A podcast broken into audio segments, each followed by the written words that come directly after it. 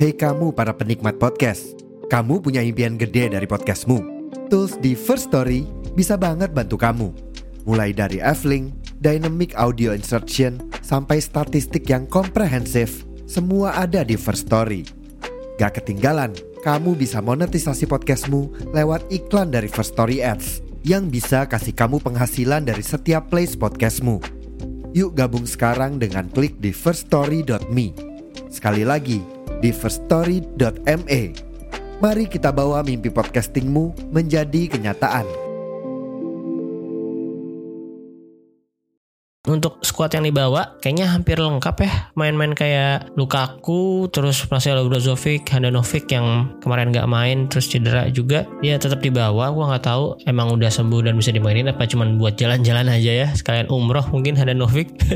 Dah pokoknya piala is piala Tetap dihitung Tetap dimasukin ke lemari piala. Sampai gak muat pun gak apa Beli lagi lemari yang baru. Jangan sampai kayak lemarinya Timnya Conte sekarang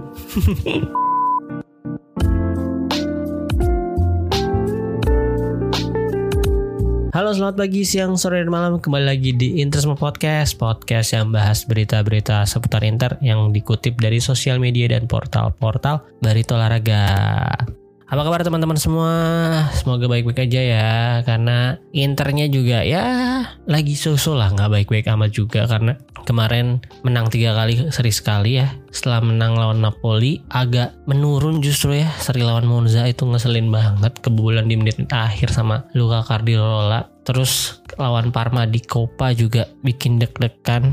Hampir sama kejadiannya kayak tahun lalu ya lawan Empoli. Uh, golnya juga harus menit-menit akhir. Terus golin lagi di extra time. Kalau waktu itu kan yang Empoli yang golin tuh Ranocchia sama Sensi. Kalau sekarang kemarin si Lautaro Martinez sama Acerbi ya sama-sama back juga tuh golin juga. Terus kemarin menang tipis doang lawan Hellas Verona itu juga bikin deg-degan dah. Jadi ya secara penampilan memang nggak memuaskan cuman ya alhamdulillah masih bisa tiga poin. Padahal di awal-awal lagi tuh kita udah seneng dan optimis karena di menit ketiga Lautaro Martinez sudah berhasil mencetakkan gol tapi sayangnya itu hanya jadi satu-satunya gol pada laga tersebut. Dan Lautaro Martinez juga berarti udah mencetakkan gol di tiga pertandingan berturut-turut ya ada tiga gol dua di Serie A dan satu di Coppa Italia kemarin. Tapi gue nggak mau ngomongin Lautaro Martinez lagi ya karena trauma kemarin di beberapa episode sebelumnya gue sempat bikin episode Lautaro Martinez is on fire. Eh tapi setelah itu langsung melempem lagi. Jangan deh gak lagi-lagi deh gue ngomongin pemain lagi bagus gitu dengan didimin aja dah biarin Nah setelah lawan Hellas Verona Inter akan melawan AC Milan juara Serie A musim lalu di Super Copa yang akan bermain di Arab ya. Nama stadionnya King Fahad International Stadium. Nah kalau di waktu Indonesia Baratnya mungkin sekitar jam 2 besok mainnya dan itu disiarin di TVRI ya guys. Jadi jangan lupa pantengin jam ya begadang lah di tengah pekan. Jam 2 selesainya jam 4 lah. Bisa kok kalau yang masuk jam 8 tidur 3 jam masih keburu lah. Bangun jam 7 mandi 15 menit terus berangkat langsung.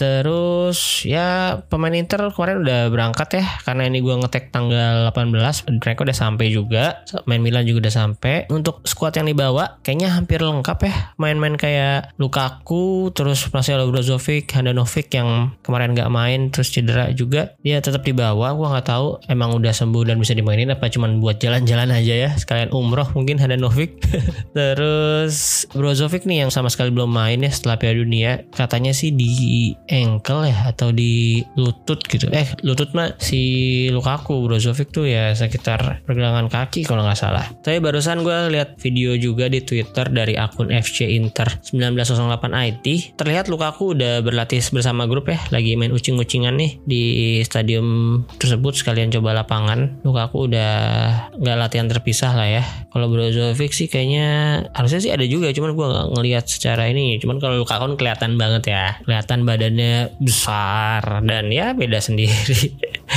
Dan kalau dari gesturnya sih sepertinya sudah baik-baik aja ya. Dia kan masalahnya sekarang ada di inflamasi lututnya nih. Gua nggak tahu tuh kenapa sekarang masalah mulu ya si Lukaku ya. Gara-gara udah nggak ada pintus lagi, kebugarannya udah naik turun kondisinya. Sayang sekali ya. Setelah balik ke Inter baru satu gol saya gua. Satu gol di Serie A, satu gol di UCL waktu Inter di apa tuh lawan UCL ya Victoria Pleasant. Terus untuk perakiraan formasi kalau menurut Sky Sport nih Inter akan menurunkan pemain yang sama seperti di mana ya? Lawan Napoli deh kayaknya kayak gini juga formasinya. Kiper Onana back Skriniar Acerbi Bastoni ya. Sekarang Acerbi lebih dipilih dibandingkan De Vrij terus tengahnya itu Barella Celanolu Mkhitaryan. Ya Barella balik lagi ke starting eleven setelah kemarin non Elas dia. Dari bangku cadangan wingnya tetap Darmian dan Di Marco ini Dumfries juga masih mengalami masalah nih sepertinya belum fit-fit banget terus depannya seperti biasa Lautaro Martinez dan Zeko. Untuk Milan sendiri, kiper mereka juga McMahon belum bisa bermain, jadi masih si Tatarusanu. Backnya ada Simon Jair dan Tomori. Back sayapnya Calabria dan Theo Hernandez seperti biasa. Kali ini Theo nggak lawan Dumfries nih, lawannya si Darmian si anak baik. Terus tengahnya Benacer sama Tonali. Tiga gelandang di depannya ada Ibrahim Diaz di tengah sebagai IMF dan winger kiri Leo kanannya Salamakers. Ujung tombaknya mereka tetap mainin Giroud. Ini jadi ya squad yang utama lah ya dari kedua tim sama-sama squad terbaik mereka. Stok yang bisa dimainkan sekarang ya karena ini juga maksudnya nggak rotasi gitu. Jadi pemain-pemain terbaik yang bisa dimainin ya langsung mereka mainin untuk satu piala ini. Yang mungkin bagi Milan nih cuman piala ciki lah. Mereka nggak bakal serius amat. Kalau menang juga nggak bakal senang-senang amat nih kayaknya fansnya nih. Biasa aja ngapain sih dibanggain piala ciki? Terus untuk tadi kan udah gue nggak tahu tadi atau kemarin. Ini ada beberapa tweet dari Interstory yang ini ya menerjemahkan hasil press conference ya press conference sebelum pertandingan ya. Gue bacain yang bagiannya si Inzaghi aja. Ini kan ditanyain sama wartawan mungkin ya apakah ini akan jadi pertandingan pembalasan di derby? Jawab Inzaghi tuh enggak. Pokoknya enggak. Pokoknya intinya Inter pengen menang dan bawa pulang pialanya. Tahun lalu kami meraihnya kami ingin mempertahankannya dengan seluruh kekuatan kami. Dia ditanyain Lukaku akan main atau enggak dia bilang kita lihat saja harapannya jika bukan besok mungkin akan saat melawan Napoli. Terus ketika dia ditanya soal Dumfries apakah yang main bakal Dumfries? Darmian Inzaghi jawabnya si Dumfries baik-baik aja dia punya potensi yang, yang sangat besar. Dia berkembang setelah Piala Dunia dia kembali dengan sedikit masalah yang dia coba atasi dengan kerja keras. Nah makanya nih terus dia bilang saya memiliki beberapa keraguan uh, atas dirinya. Mungkin keraguan bisa fit atau enggak ya karena dari tiga pertandingan kemarin tuh mainnya selalu dari bangku cadangan ya udah empat bahkan ya dari Napoli cuman kebagian nge-smackdown Raspadori malah jadiin challenge lagi Terus lawan Monza juga bentar doang ya. Terus terakhir lawan Hellas Verona juga ya start 15-20 menitan gitu. Gak lama, belum lama menit bermainnya. Ya yang jelas sebagai fans Inter gue berharap Inter yang menang ya. Mau itu disebut Piala Ciki lah, Piala Citos, Piala Jet Z, apa pun itu piala adalah piala. Pokoknya kalau ini menang ini bakal jadi piala keempat untuk Steven Zhang dan menjadikannya dia sebagai presiden Inter tersukses keempat dalam sejarah sepak bola Inter ya. Dan gue harap sih pertandingannya nggak sampai extra time. Nggak kayak tahun lalu lawan Juve sampai extra time juga kan. Walaupun menang itu sangat merugikan sih jelas. Karena di akhir pekan akan menghadapi Empoli lagi yang kemarin juga menang lawan Sampdoria 1-0 jadi akan sangat menguras tenaga sih apalagi harus terbang dari Arab balik lagi ke Italia kan takes time ya ya pokoknya jangan sampai baru menang dengan gol yang dicetak di menit 120 plus 1 lah. Jangan diulang lagi. Karena ya udah itu pokoknya kita bakal kecapean. Contohnya tahun lalu aja setelah menang di Supercoppa Italia 2-1 lawan Juve pertandingan selanjutnya tuh lawan Atalanta cuma 0-0 terus lawan Empoli cuma menang 3-2 dan ya itu mulai keterpurukan Inter lah ya setelah Super Copa tuh eh, performanya menurun. Brozovic juga cedera ya salah satu faktornya juga. Dan ini kalau gue lihat dari Sky ya ini Sky Sport ngasih statistik nih untuk Inzaghi. Selama ini dia udah main di final turnamen 6 kali dan berhasil lima kali menang hanya kalah satu kali. Di final Coppa Italia musim 2016-2017 kalah 2-0 setelah itu dia menang terus tuh. Di tahun berikutnya dia balas dendam lawan Juve Lazio di Supercoppanya menang 2-3 terus lawan At di Coppa Italia tahun depannya menang lawan Atalanta 0-2 terus di Supercoppanya lawan juara Serie A saat itu Juve menang 1-3 terus musim lalu sama Inter menang 2-1 di Supercoppa dan di Coppa Italianya menang 2-4 nah ini berarti kan rekornya cukup bagus ya dia memang pelatih spesialis turnamen mungkin udah dapet 5 Coppa Italia dan 2 Supercoppa selama dia berkarya jadi pelatih klub ya. Semoga ya besok bisa jadi trofi ke-6-nya jadi menggenapkan lah ya 3 Coppa Italia 3 Supercoppa ya nggak buruk lah untuk track record seorang manajer asal Itali yang sangkatan dia ya karena ya mungkin ya angkatannya sama Pioli sama Gattuso sama Pirlo. Eh Pirlo masih agak mudaan deh terus sama apa lagi ya? De Zerbi mungkin. Kalau ngomongin Ancelotti terus Capello itu udah angkatan senior senior udah tua lah ya Mancini. Itu udah yang lebih senior gitu. Mungkin itu tadi. Almarhum Mihailovic terus Diego Simeone itu yang sangkatan tuh itu. Dan untuk pencapaiannya saat ini cukup oke. Semoga uh, akan ada beberapa trofi lagi yang menyusul ya. Yang pasti salah satunya itu Scudetto bersama Inter. Amin. Nah untuk rekor Internya sendiri ini kalau untuk di Super Supercoppa, Inter ini sudah bermain 10 kali dan berhasil menang sebanyak 6 kali, masuk yang tahun kemarin ya. Nih gue bacain untuk 10 pertandingan tersebut. Ya di tahun 1989 Inter langsung menang di Supercoppa pertamanya lawan Sampdoria 2-0, gol dari Cuci dan Serena. Kemudian butuh 11 tahun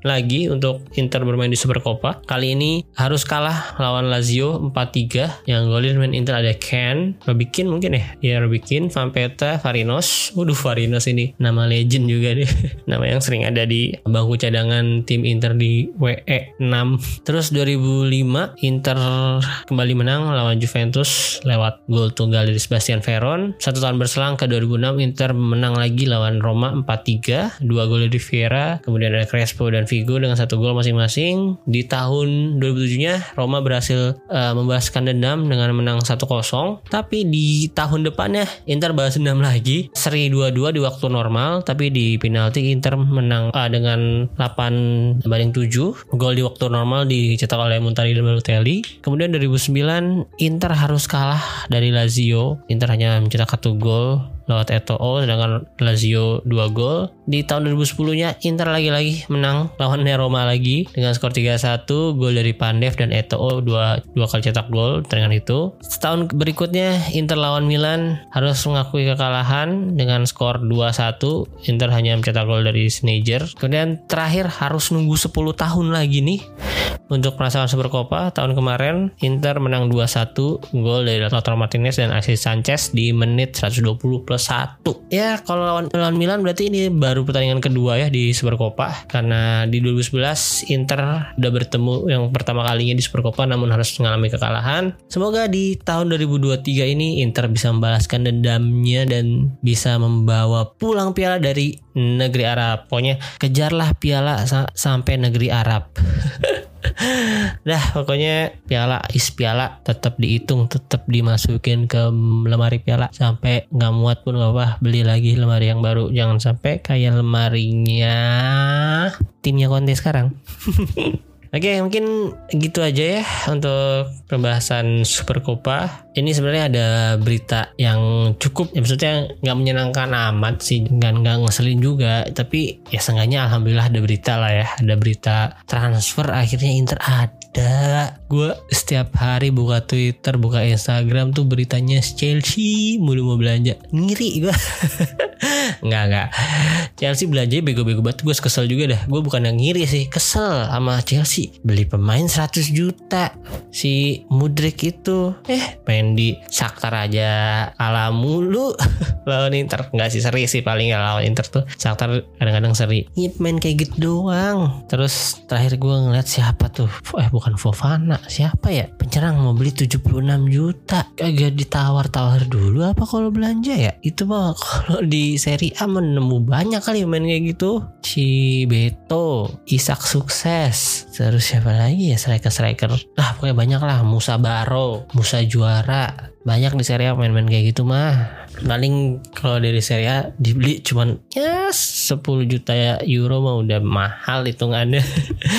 Paling ditawarnya kalau dari Serie A mah segituan lah. Nih gila dari main IPL lah pemain ya digadang-gadang digoreng-goreng sama media aja tuh. Wonderkid wonderkid. Si Mudrik Mudrik itu perasaan mainnya biasa aja. Inter kan sering ketemu Saktar ya. Nggak ada yang spesial spesial amat ya. Dia justru si Antonio Trubin yang menurut uh, gua sebagai fans Inter yang yang beberapa kali ketemu Saktar mulu penampilannya cukup oke okay sebagai jaga gawang. Oke, okay.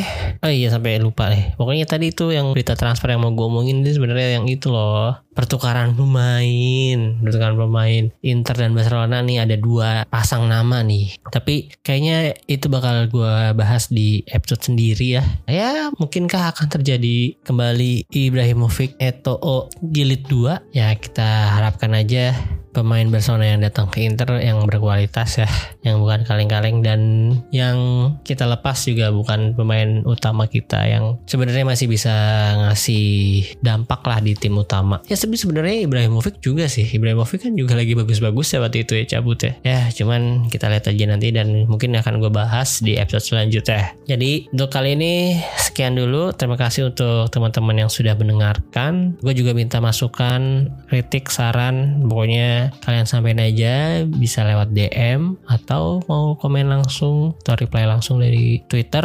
Silakan mau lewat mana gue sangat terbuka untuk masukan-masukan dari kalian. Jangan lupa follow sosial medianya kalau Instagram ada di Interisme Podcast Twitter ada di Interisme Media. Follow juga akun Spotify-nya di subscribe di noise-nya juga di subscribe terus nyalain loncengnya biar kalian dapat notifikasi tiap ada episode-episode baru. Oke sekali lagi terima kasih Arif Forza Inter